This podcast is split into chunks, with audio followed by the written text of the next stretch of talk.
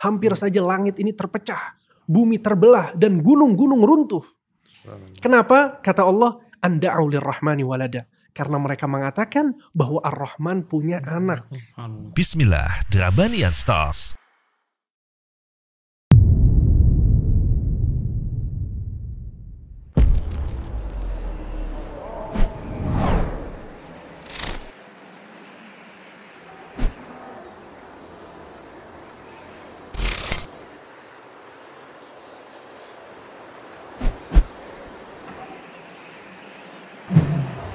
Samasi, it's different.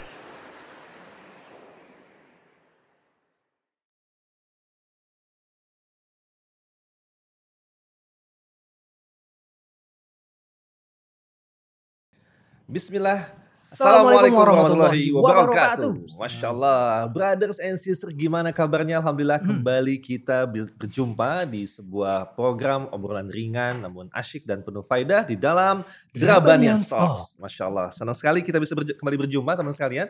Dan seperti biasa kita akan ngobrol ringan bersama guru-guru kita. Hmm. Dan telah hadir di tengah-tengah kita Al Ustadz Muhammad Halis Syariah Hafidhullah Ta'ala Ustadz, dan juga Ustadz Hamdi Al Bakri Hafidhullah Ta'ala Masya Allah dan kali ini saya ditemani Kakanda Reda Samudra Alhamdulillah. Kang sehat kan? Alhamdulillah. Masya Allah Afwan ya waktu Iya beberapa pekan lalu nggak bisa menemani. Masya Allah, Alhamdulillah kita- kembali kita bisa berjumpa. Alhamdulillah. Dan seperti biasa teman-teman sekalian, Yes. stay tune terus di apa namanya di medsos kita. Tayangan ini bisa di- disimak lewat uh, YouTube, Spotify, dan Hmm. juga Insta- Instagram ya. tentunya, Dan juga seperti biasa di, di akhir sesi nanti kita akan ada sesi uh, promote ya. Ya. Promote semua produk teman-teman semua yang punya usaha. Mhm. Uh, baik itu apa produk Roda, jasa. jasa juga boleh ya. Boleh dong. Jasa insya Allah dan langsung saja bagi yang uh, membutuhkan dan berkenan silakan untuk bisa mengontak uh, admin kita dan DM bisa ya? DM bisa, DM bisa insya Allah dan kita Hmm. akan promotkan di sini insya Allah. Dan seperti biasa Alhamdulillah kita akan kembali mengobrol bersama guru-guru kita nih insya Allah. Ustaz sehat sehat ya? Alhamdulillah Ustaz, Alhamdulillah. Alhamdulillah. Selamat datang kembali. Anda baru pertama bersama Ustadz Hamdi. Oh baru ya? Baru. Aja? dong, Masya Allah. Baik Ustaz, uh, Ustaz Hamdi, Ustaz Muhammad, terima kasih, terima kasih banyak atas waktunya dan kita akan Hmm. ngobrol nih Kak Reda ya. Iya kan Tentang- kita sesaat lagi. ya. Betul, beberapa saat lagi, Beberapa saat seperti lagi. biasa kita Yang- akan kembali bertemu momen tahunan Ustadz. Tapi tentunya Yang tidak yang Hmm. tidak dilakukan oleh seorang muslim. betul sekali. Tetapi kenyataannya adalah banyak sekali kaum muslimin yang melaksanakannya, bahkan juga ikut turut eh, merayakan atau bahkan memberikan ucapan selamat. Mengatasnamakan Betul, toleransi, masya Allah. Dan momen itu adalah Natal, Natal. begitu Ustaz. Hmm.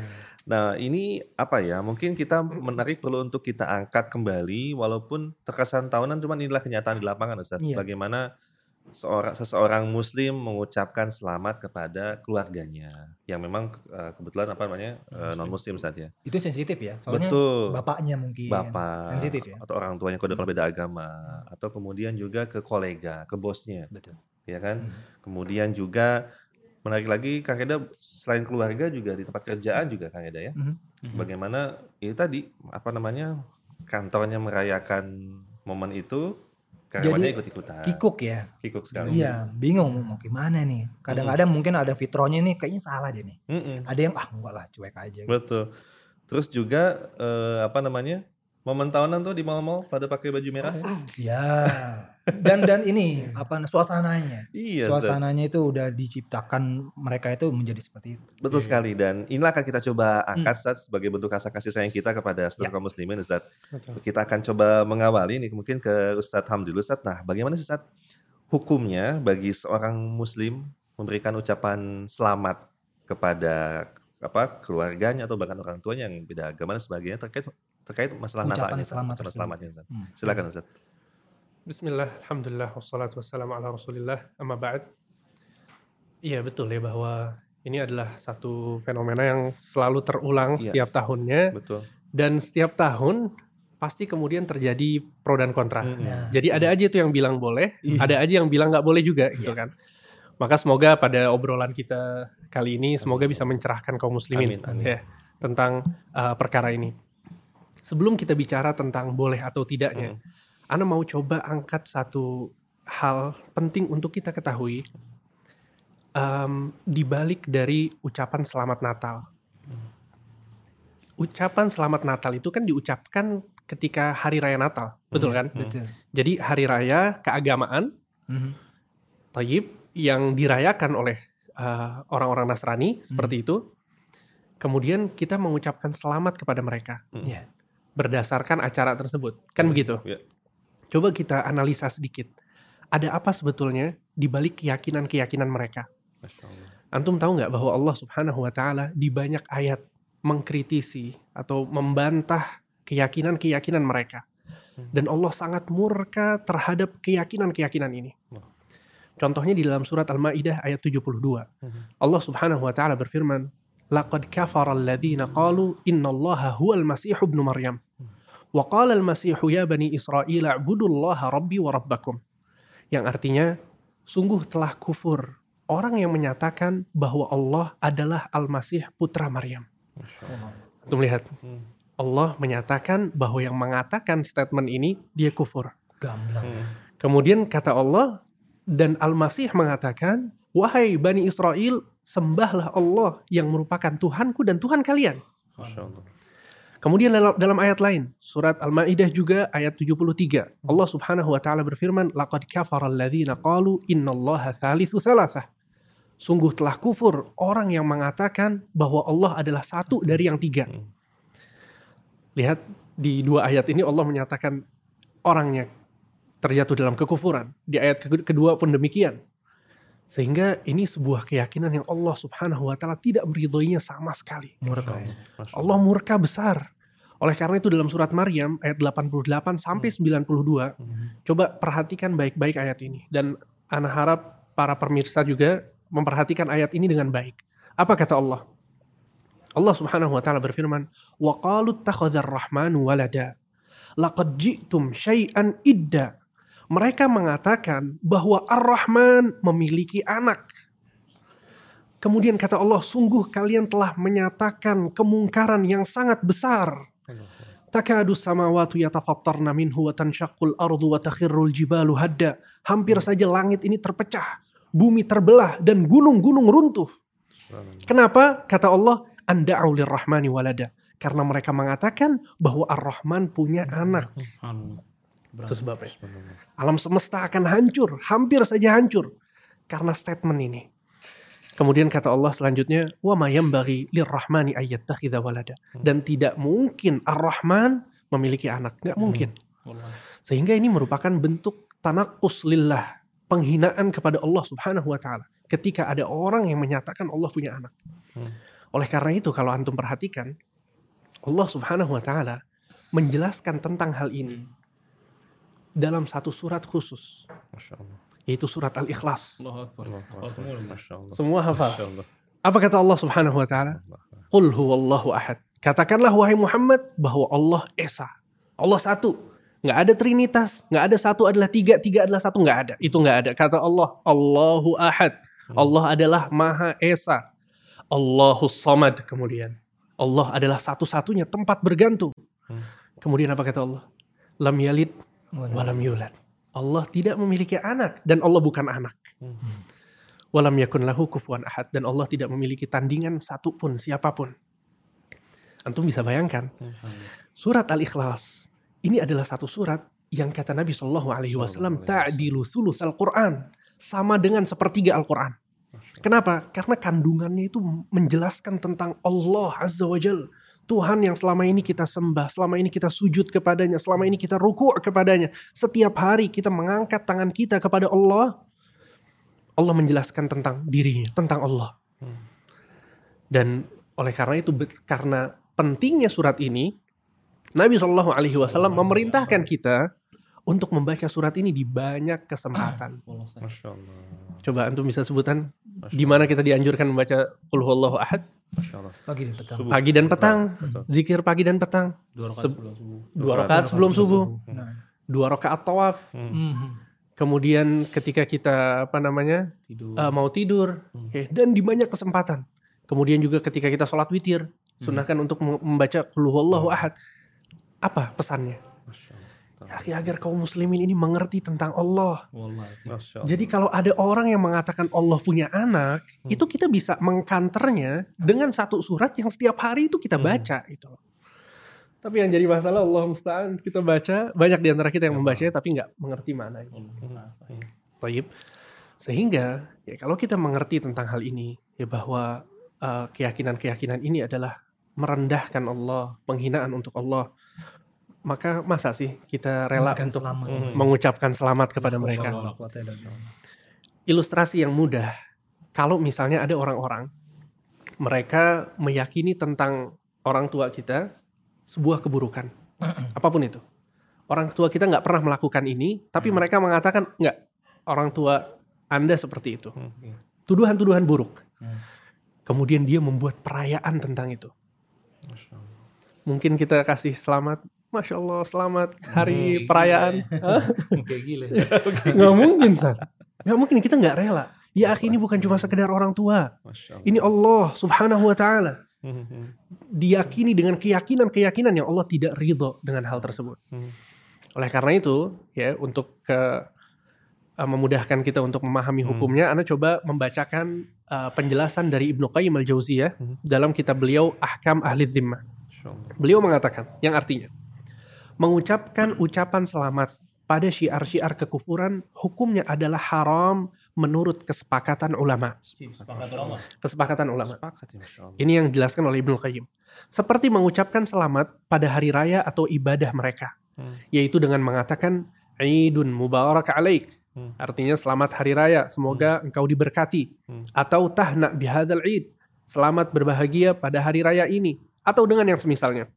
Kemudian beliau melanjutkan, walaupun orang yang mengucapkannya tidak jatuh dalam kekufuran, akan tetapi tentu ini adalah sebuah keharaman. Hmm. Dan yang mengucapkan ini sama dengan orang yang mengucapkan selamat kepada orang yang sujud kepada salib. Allahu Akbar.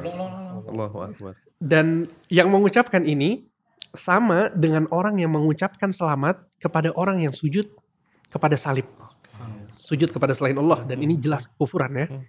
Tentu ini lebih parah. Kemudian beliau melanjutkan, tentu ini lebih parah dosanya di sisi Allah daripada mengucapkan selamat kepada orang yang minum khamr, membunuh atau bahkan berzina. Dan betapa banyak orang yang tidak memperhatikan agamanya sehingga terjatuh pada dosa yang satu ini. Maksudnya mengucapkan selamat Iya. kepada mereka. Mereka tidak tahu betapa buruknya ucapan yang mereka mereka lontarkan.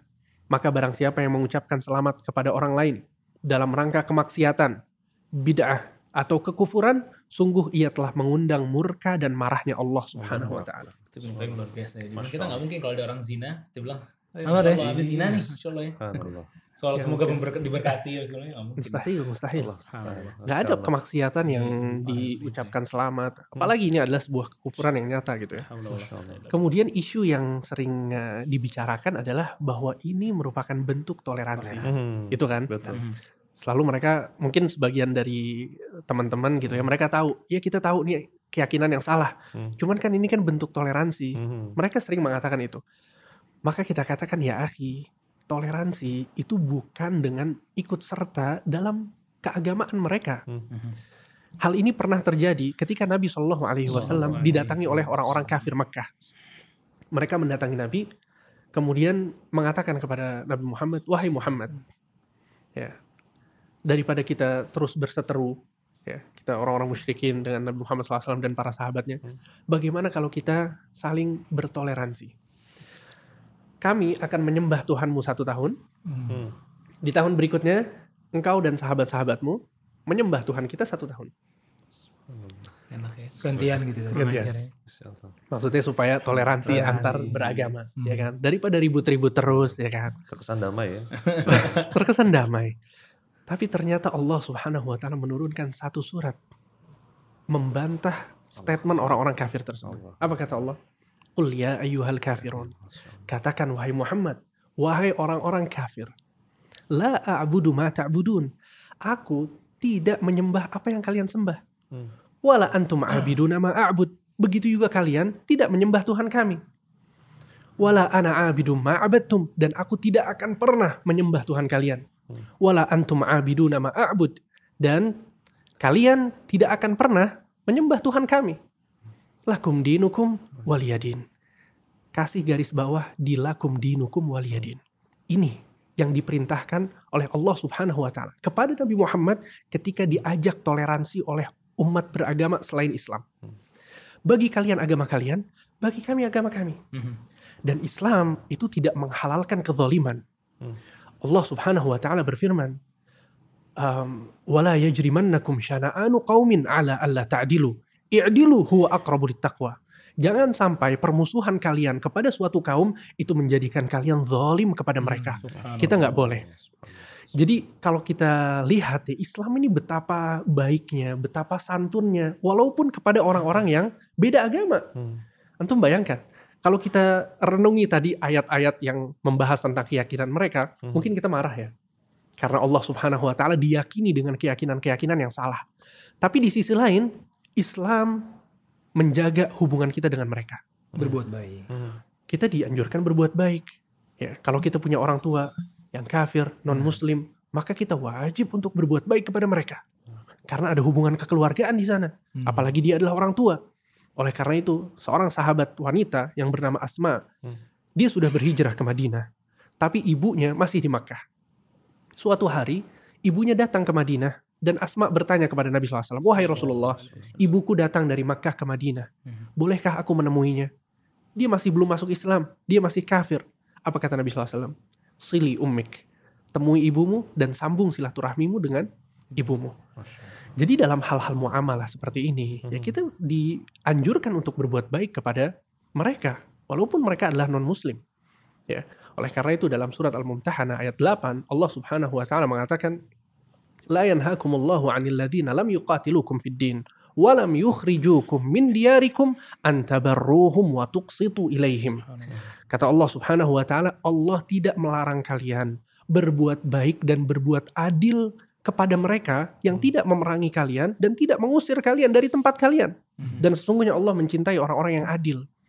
Jadi uh, walaupun kita nggak mengucapkan selamat Natal, bukan berarti kita jahat, kita tidak adil, enggak.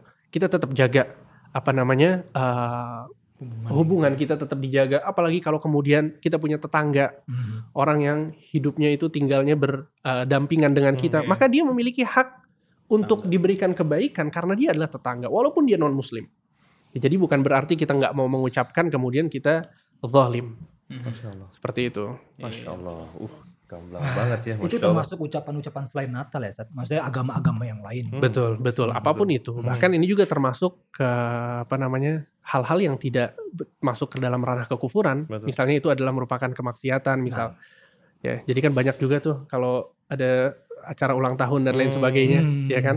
Atau ada acara apalah itu. Hmm. Kalau itu kemudian ya, eh, walaupun bukan kekufuran, tapi itu kemaksiatan, tetap kita nggak boleh mengucapkan selamat. Masya Allah. Gamblang, jelas. Nah, Clear menarik. banget. Clear banget ya. Tapi kemudian Ustaz, ini menarik. eh, bagaimana dengan hukum menghadiri undangannya nih Ustaz ya? Hmm, diundang. Nih teman-teman yang aduh diundang bos nih acara kantor Balik lagi ke Atau bos sama keluarga gitu. keluarga lagi kan balik ke lagi Ustaz. Kemudian juga saling bertukar hadiah atau beri hadiah nih Ustaz Muhammad. Ini gimana Ustaz kira seperti itu? Ya, barakallahu fikum.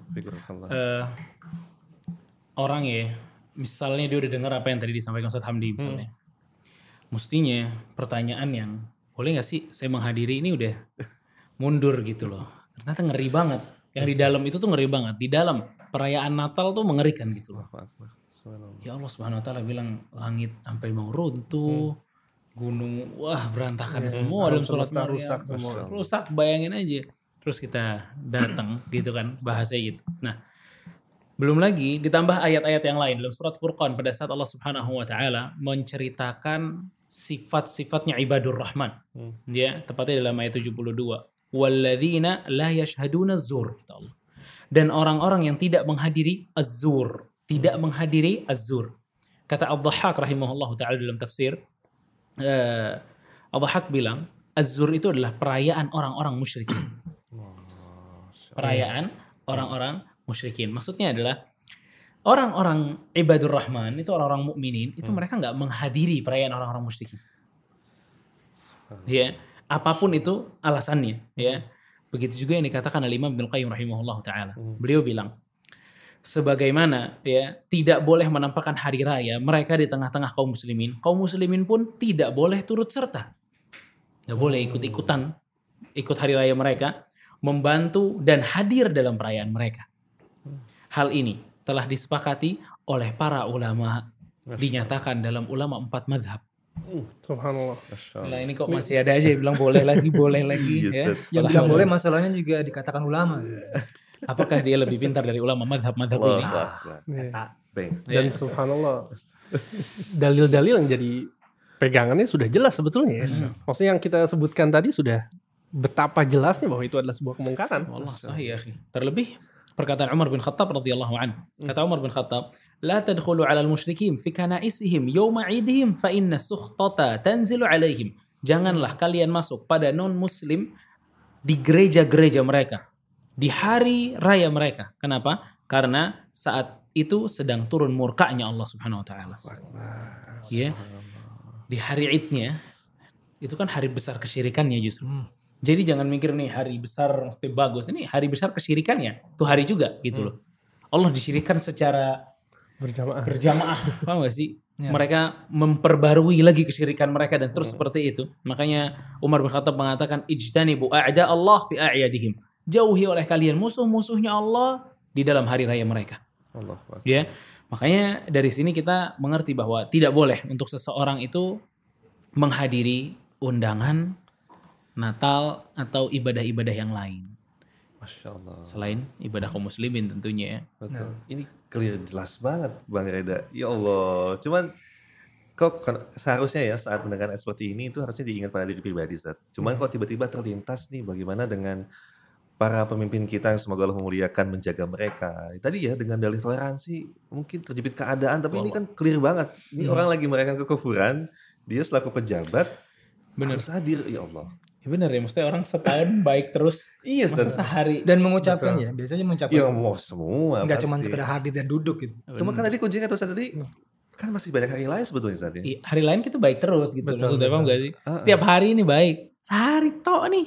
Ya. Nggak mau ngucapin, kita nggak mau datang. Hmm. Ya kita bilang sorry deh, kita nggak ngucapin, kita nggak datang, gara-gara nggak boleh dalam agama kita. Hmm, hmm. Ya kan? Kan biasanya orang, entar Ustadz gimana? Entar Ustadz, udah jalanin dulu aja. Kalau kenapa-napa tanya lagi. Iya kan? Belum dicoba ya. Belum dicoba, Belum dicoba. kenapa, kenapa, kenapa, kenapa, kenapa gitu kan. Dan juga ini Kang, tadi kan juga Ustaz Hamdi mengatakan eh, ya udah itu menggambarkan yang sangat Allah murka dengan dengan perlakuan seperti itu. Tapi oke, ini karyawan mungkin insya Allah sudah clear sudah jelas. Tapi kondisinya dia sudah sebagai karyawan, terus eh, dia harus mengadakan dan juga banyak banget kita lihat kan pakai topi Iya, topi yang merah Ho, tersebut. ho, ho, iya itu. Topi Sinterklas kilet sih kita ya kan Sinterklas di mana mana gitu kan. Bahkan yang pakai jilbab pun dipakein lagi.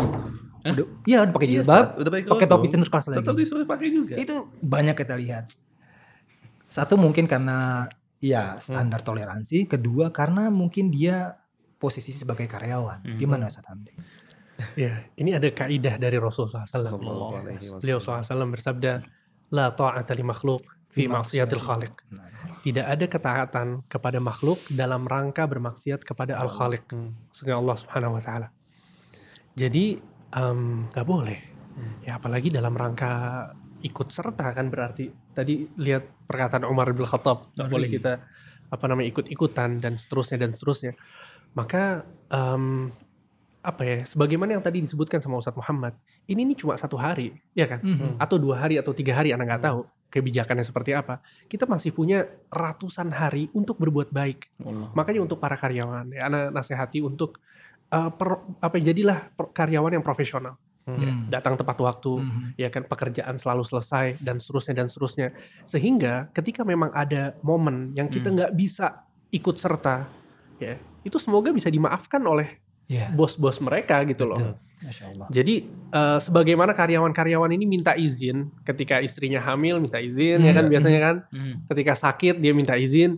Ya sekarang izin ke bos karena akidahnya mau dijaga gitu loh. Allah. Jadi bilang ke bosnya misalnya Pak minta maaf apa namanya agama kami menjelaskan seperti ini kita nggak boleh ikut-ikutan misalnya. Coba antum bayangkan kan kita kan masyarakat mayoritas Muslim kan. Betul. Coba bayangkan kalau semuanya karyawan Melakukan Muslim hal seperti itu mengatakan kepada bosnya hal yang demikian. Allah. Jadi Gimana, yang biasa ya. Iya. Akhirnya bosnya pun meng- me- memahami gitu loh. Mhm. Oh ternyata memang kaum muslimin punya Hmm. pemahaman seperti itu dan kita harus jaga perasaan mereka. Allah. Ya kan? Allah. Jadi yang dituntut toleransi itu jangan kita terus ya nggak sih? Iya. Jangan kaum muslimin terus. Justru mereka ini harusnya toleransi dengan akidah yang kita pegang. Allah. Kita nggak mau, bisa. Dia, dia. Dia. Dia nggak mau. Dan juga nih yang muslim juga ya, yang kaya deh, punya kantor kayak punya apa. Jadi kalau muslim kerja sama ente. Wah, Betul. Iya nggak? Jadi nggak ribet-ribet ngurusin-ngurusin gini lagi ya, Teriza. Teriza. Slip-slip dikit. Iya. Saatnya kita Berarti termasuk termasuk karyawan yang mendekorasi ya saat ya.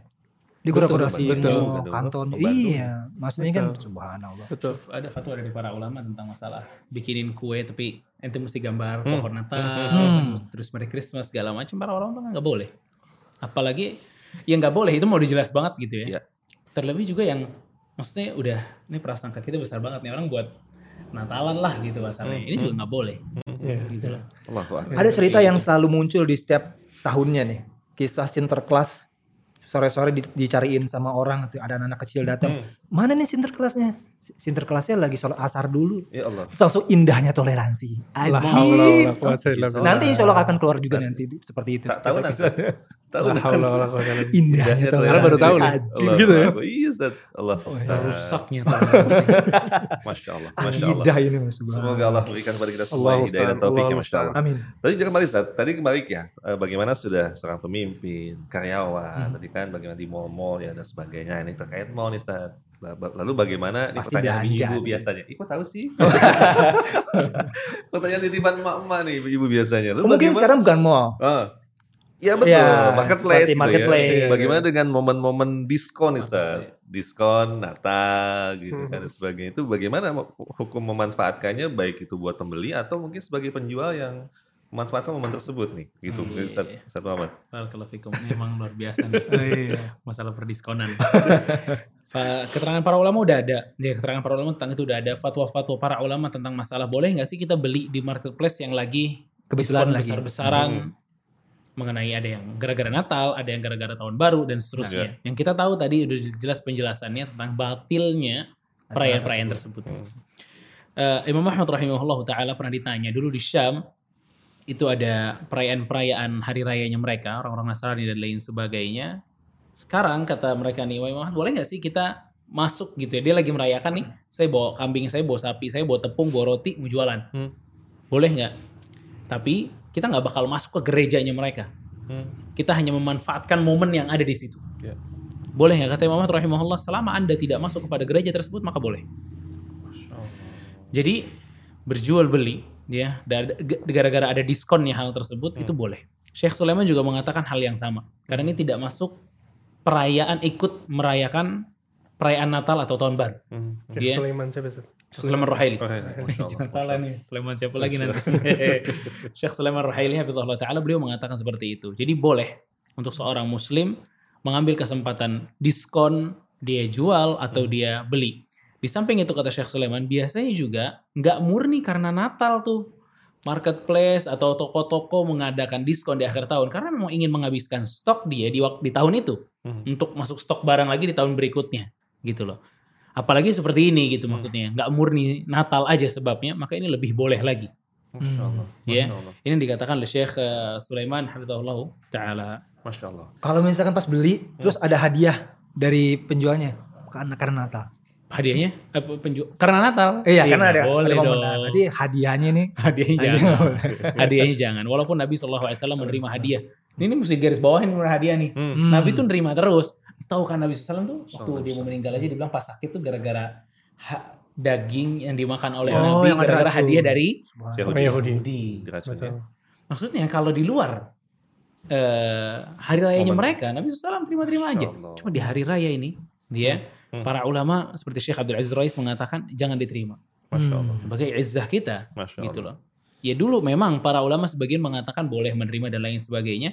Itu karena memang kaum kufarnya tuh lemah gitu loh. Jadi nggak ada efek apa-apa. Tapi sebaliknya kalau tahun ini di saat kita sekarang ini, Iya. ya lebih baik kita nggak terima Betul. agar tetap kita mengatakan bahwa saya nggak setuju dengan per- perayaan ini gitu loh. Gitu maksudnya. Kita punya izah ya, masya Iya, Allah ya. Teriza lagi nih. Betul. Masya Allah, izah Allah, Rasul dan kaum muslimin. Masya Allah. sahih. Baik Ustaz, tapi apa ya tadi itu? Terkait tadi ini bahwa bentuk bagaimana sempurnanya Islam Ustaz ya, mengatur semua tataran kehidupan kita. Karena kan ada juga, oh giliran Natalnya nggak boleh, diskonnya lu ambil gitu kan, Ter- terkesan pelin dan sebagainya. Ini bagaimana Islam mengatur semua detailnya Ustaz ya. Jadi nggak terkesan kita pelin pelan Betul. Ya kan? Iya. Ini Ini, nggak- nggak boleh, Ah, giliran ah. diskon mau. Betul, tapi bagaimana ini hukum, hukum muamalah jelas terdapat dalam Iya, tapi kita. jangan beli barang-barang yang Nah. Oh, iya, Ente betul. juga jangan jual topi Santa Claus gitu-gitu Oh, ya nggak boleh. Mentang-mentang lakunya boleh. itu. Iya nggak boleh. Masya Tetap aja penjualannya penjualan barang-barang yang Mhm. apa yang umum gitu. Yang Bukan yang membantu kemaksiatan mereka. Masya Allah. Bukan Masya yang membantu kemaksiatan mereka maksudnya Hmm. hari raya itu ya. Hmm. Dia nggak boleh. Misalnya hari rayanya membantu ya udah tau lah ini makanan bakal Natalan dan lain sebagainya para ulama nggak boleh. Dan ini juga menunjukkan toleransi Islam. Kalau mereka sekarang selalu menggaungkan toleransi, Iya. kita katakan ki- dal- di antara toleransi Islam adalah kita dibolehkan berjual beli dengan mereka. Wallah sah. Dalam urusan-urusan dunia itu nggak masalah gitu loh. Nabi menerima hadiah sebagaimana yang tadi Ustadz Muhammad sebutkan ya kan. Iya. Menggadaikan baju perang gitu. Betul. Nabi SAW wafat dalam keadaan menggadaikan baju perang ya. kepada orang Yahudi. Minjem duitnya berarti sama orang Yahudi. Orang Yahudi. Bayangin. Bener. Allah bener. Akbar. Intinya menyebut itu tadi. Iya dong. Masya Allah. Ada. Soal, soal mem- membantu tadi. Hmm. Ada juga nih. Ada yang mengatakan kok aparat ngejagain gereja sih Mm-mm. lagi acara gitu Ya. ngebantu dong. Masya Allah. Bagaimana nih, Sat? Aparat apa yang aparat. lain nih? Aparat ap- Kan ada yang Betul. bukan aparat berbaju Betul, aparat. Iya, ada yang aparat memang dia eh, Loreng banyak banget, Sat, sebagai soalnya. sebagai pengaman. Baju loreng banyak banget soalnya. Banyak banyak. Kita mengarah ke sana nggak? Iya, gitu. ada benar-benar dia polisi bertugas mengamankan karena mungkin kan di Indonesia lagi Iya. agak-agak sensitif, Iya. Betul. radikal, teroris. Terorisme. Dan juga iya. mungkin ada juga ormas-ormas yang ikut Mm-mm. ya inisiatif, ya, inisiatif mengamankan. mengamankan. Ini gimana? Sat? Dua hal ini. Iya. Silakan, Jadi em, Syekh bin Baz rahimahullah taala beliau pernah ditanya ya ketika beliau sebagai ketua dari Lajnah Daimah, Hmm. beliau ditanya tentang hal ini. Bagaimana hukum menjaga eh, gereja gitu ya, keamanan gereja. Maka beliau mengatakan bahwa nggak boleh seseorang itu bekerja ya sebagai penjaga gereja, Satpam. Masya Allah. satpam. Hmm. Bahkan ada fatwa yang lain pun menjelaskan tentang eh, apa namanya menjaga perayaan-perayaan mereka secara umum. Mhm. Ya, dan Syekh bin Baz pun menyatakan bahwa itu tidak boleh. Terlarang. Kenapa? Karena ini masuk dalam saling tolong menolong dalam kemungkaran. Mhm. Ya, wala ta'awanu 'alal itsmi wal 'udwan. Ya. Dan akan tetapi yang perlu diperhatikan adalah bahwa pemerintah memiliki kewajiban untuk menjaga stabilitas keamanan masyarakat secara menyeluruh. Masya Allah. Baik dia muslim atau non muslim, semuanya harus dijaga. Hmm. Iya kan? Sehingga ya uh, Abu Bakar radhiyallahu taala anhu arda ketika beliau menjadi khalifah dan beliau mengutus utusan-utusannya ke Syam, apa kata beliau? Kata Abu Bakar radhiyallahu an, "La taqtulul wildan wala nisa wala syuyukh wasatajiduna aqwaman habasu anfusahum 'ala sawami' fada'uhum wa ma habasu lahu anfusahum." Jangan kalian membunuh anak-anak kecil, Mhm. wanita-wanita, orang-orang tua, dan ada orang-orang yang berdiam diri di gereja-gereja mereka, maka biarkan mereka. Hmm.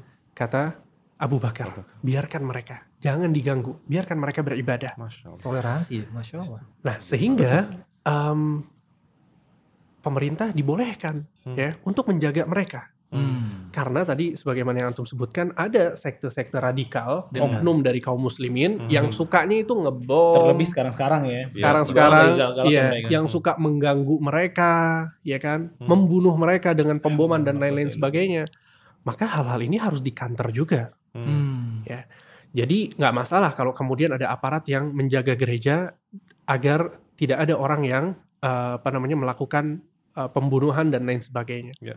Bahkan dalam sebuah hadis Nabi Shallallahu Alaihi Wasallam mengatakan man qatala mu'ahadan lam yarih raihatal jannah. Barang siapa yang membunuh orang kafir yang memiliki perjanjian, Hmm. maksudnya dia adalah orang sipil gitu ya, bukan harbi, bukan orang yang sedang berperang. Taib, maka yang membunuhnya tidak akan mencium bau surga. Tuh bayangkan, ini kemungkaran besar juga Hmm. harus dikanter, gitu kan? Oleh karena itu negara hadir ya untuk menjaga agar tidak ada orang yang zalim kepada orang lain, walaupun antar beragama. Hmm. Masya Allah. Sehingga kalau memang aparat menjaga gereja ini nggak masalah. Ini menjaga negara ya gitu. Betul. ya. Betul, stabilitas menjaga ya. stabilitas Hmm. keamanan negara ini maslahatnya sangat besar gitu kan. Tapi kaum muslimin yang merupakan warga sipil ya tidak dianjurkan untuk menjaga gereja. Termasuk ormas. Ya, kenapa? Karena ini bisa disalahpahami oleh mereka. Ya kan banyak orang yang kemudian mengatakan itu lihat orang-orang kaum muslimin aja ngejagain gereja kita. Masa sih nggak mau mengucapkan selamat? Betul. Kan gitu. Kemudian ini jadi dalil pelegalan mereka. Dan itu termasuk dari tolong menolong dalam kebatilan. Ya, Ini ranah pemerintah lah yang pem- Ranah pemerintah, betul. keputusan-keputusan. Itu waliul amr ya dan dia yang menjaga keamanan negeri seluruhnya. Berarti niatnya untuk eh, menjaga negara ya San? ya? Betul. Bukan menjaga si gerejanya gitu San. Betul, betul. Menjaga gereja, ya menjaga gereja, ya demi menjaga kemaslahatan uh, negeri semuanya, Masya Ya, Allah. masyarakat semuanya, baik yang muslim atau non muslim. Masya Allah. Sehingga buat sahabat-sahabat kita, saudara kita, para aparat pemerintah mungkin meneruskan niat saat ya saat melaksanakan, tugasnya ya. Betul, Karena betul, kan melaksanakan tugas ya. betul, betul. Dan itu termasuk dari bagian uh, ketaatan kepada waliul amr, Betul. ya ketaatan kepada pemerintah kaum muslimin. Sebuah penjelasan yang mudah-mudahan bikin hati teman-teman aparat lebih lega ya, Masya Allah, dalam melaksanakan Betul, tugasnya. Masya betul. Masya Allah. Dan ringan ya sekarang. ya. By the way kalau kita ngomongin tentang ya ini Ya. hari Christmas dan lain-lain itu berhubungan erat dengan holiday, Liburan. liburan. Walaupun sekarang mungkin anak-anak sekolah ya merasa libur terus Iya, ya. libur terus.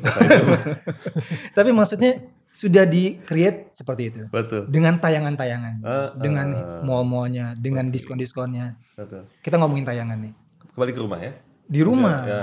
Di rumah kan semua sekarang di rumah, hampir banyak kan kita di rumah. Tayangan-tayangan menjelang Natal tersebut tuh. Hmm. Hmm. Itu selalu ditayangkan secara nggak langsung itu merusak akidah secara soft ya. Sat. Ya. Iya. Film-film tontonan. Film-film tontonan. Gimana tuh? Home Filmnya Alone, kayak Home gimana? Alone ya. Taruh home, home Alone tuh hampir tiap. Home Alone tuh yang tahun ini ke- ke- Iya. ketahuan umur ya Ustaz Home Alone. eh, tapi kan sekarang juga masih diputar. terus ya. Anak-anak kecil dan itu sangat suka karena pemerannya kan anak-anak gitu. Nah, Dan itu suasananya kan Natal. Natal, perayaan. gitu. Suasananya Natal perayaan. Dilihatnya kayaknya wah asik, dapat hadiah dan lain-lain. Merusak akidah secara pelan. The Grinch ya, The Grinch Betul. juga ya, The Grinch. Pokoknya setiap karena holiday dan juga itu digambarkan dengan suasana Natal tersebut, anak-anak kecil nonton jadinya terbiasa dan dianggap ini bukan merusak akidah, ya tontonan aja. Oke. Barakallahu fiik ini bener banget nih. Kebanyakan nonton hal-hal yang begitu akhirnya Biasa. terbiasa banget. Iya, betul. Sensitivitasnya tuh kurang sekali akhirnya masalah-masalah kesyirikan.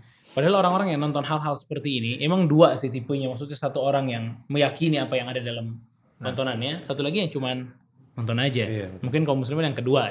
Banyaknya. Cuma ya kalau yang ditonton itu kemungkaran, ya apa kata Rasulullah SAW? Kata Rasulullah SAW, man ra'a minkum mungkaran falyughayyirhu biyadih.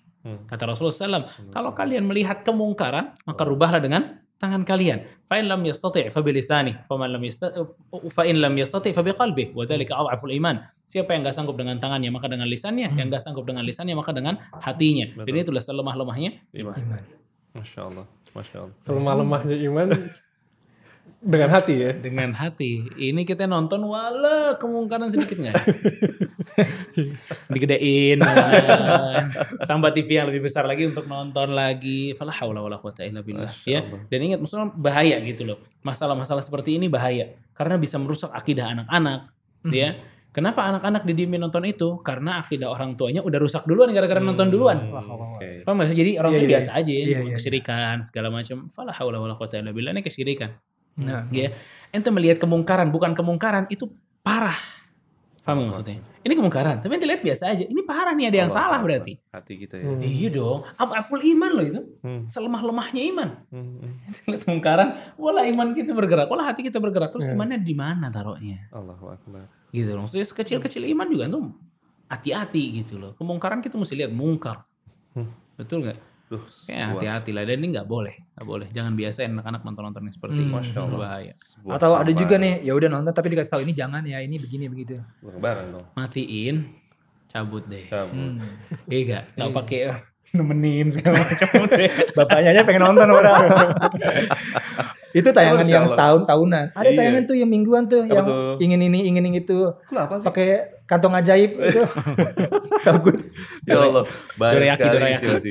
Masya Allah, Masya Allah. Tapi mudah-mudahan ya ini saatnya kita cari solusi loh. Insya Oh, Allah. iya. Kayak seperti tayangan ini kan manfaat saja Insya Allah ya. Mudah-mudahan. Mudah-mudahan tayangan ini manfaat. Mungkin teman bisa ganti salurannya. Betul, betul. Tonton Rabanian Stock, kajian-kajian Rabanian, Ustadz Muhammad banyak kajian, Ustadz Hamdi dan guru-guru kita Muncul banyak terus juga. ya Ustaz Muhammad. Iya dan juga salah satunya adalah rekan-rekan kita sudah ngasih solusi ya. Betul, yang betul. tampak di depan kita Muslim Box nih solusinya. Wih, masya Allah. Benar-benar tayangan-tayangan bermanfaat, ya kan? Tayangan-tayangannya daripada nonton-nonton yang Ya, bisa merusak kita mohon ini. izin, ini tuh perangkat yang ngubah TV biasa jadi Hmm. smart TV ya. Smart TV. Dengan model akses, eh, dengan modal akses eh, Internet, internet saja. aja. Cukup internet saja Masya dan nggak nggak hanya berlangganan internet, nggak punya langganan internet, Betul. bisa tethering handphone. Oke. Jadi tethering handphone ini langsung disambungkan HDMI Sambung langsung ke TV.